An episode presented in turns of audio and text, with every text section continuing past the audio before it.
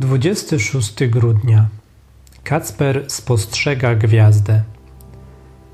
Tego samego dnia Kacper, król Persji, jeden z trzech magów, spostrzegł słup światła, nad którym pojawiła się gwiazda o tak wspaniałym blasku, że trudno go opisać.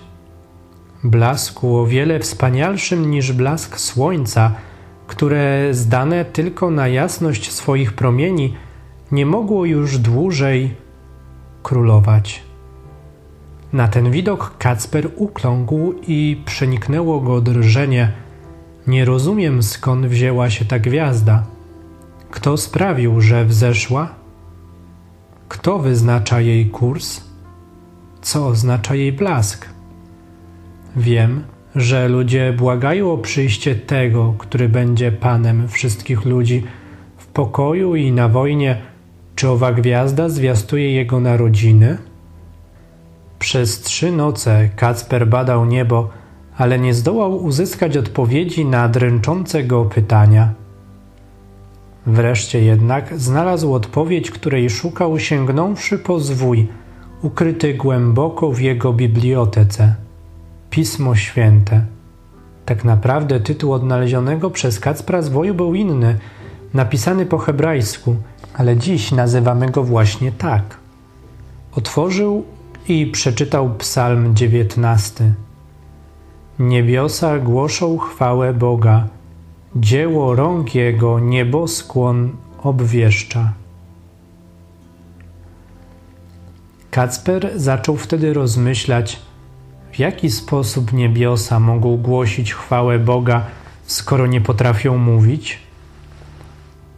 Potem wyszedł zatroskany, pogrążony w medytacji, wzniósł oczy ku niebu i znalazł odpowiedź na swoje pytanie.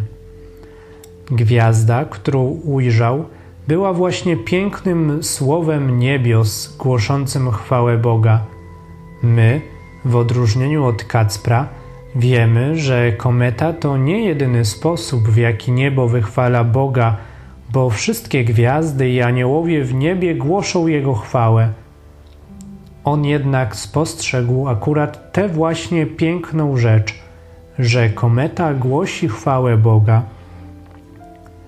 Odtąd zaczął się zastanawiać, czy nie wyruszyć w ślad za gwiazdą, ponieważ mówił sobie, ten niezwykły blask z pewnością obwieszcza niezwykłe narodzenie z dziewicy – jako że naprawdę Duch Święty wieje tam, gdzie chce, musicie wiedzieć, że w ówczesnej Mezopotamii było bardzo rozpowszechnione przekonanie, iż wielka i jasna gwiazda będzie znakiem, że dziewica urodzi potężnego króla.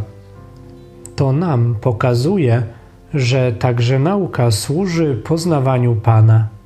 Święty Efrem Syryjczyk tak o tym pisał – magowie do Maryi. To mówił anioł jako gwiazda, iż Stwórca nieba się narodził, Pan świateł, które z Jego woli świecą na niebie jasnym blaskiem. Maryja, ja wam wyznam tajemnicę, byście wiedzieli o niej także. Zrodziłam syna jako Pana, opowiadajcie wszystkim o tym. Magowie, i nam opowiedziała gwiazda o jego przecudnym przyjściu. Stąd wzniesie się on ponad wszystko i będzie synem Najwyższego.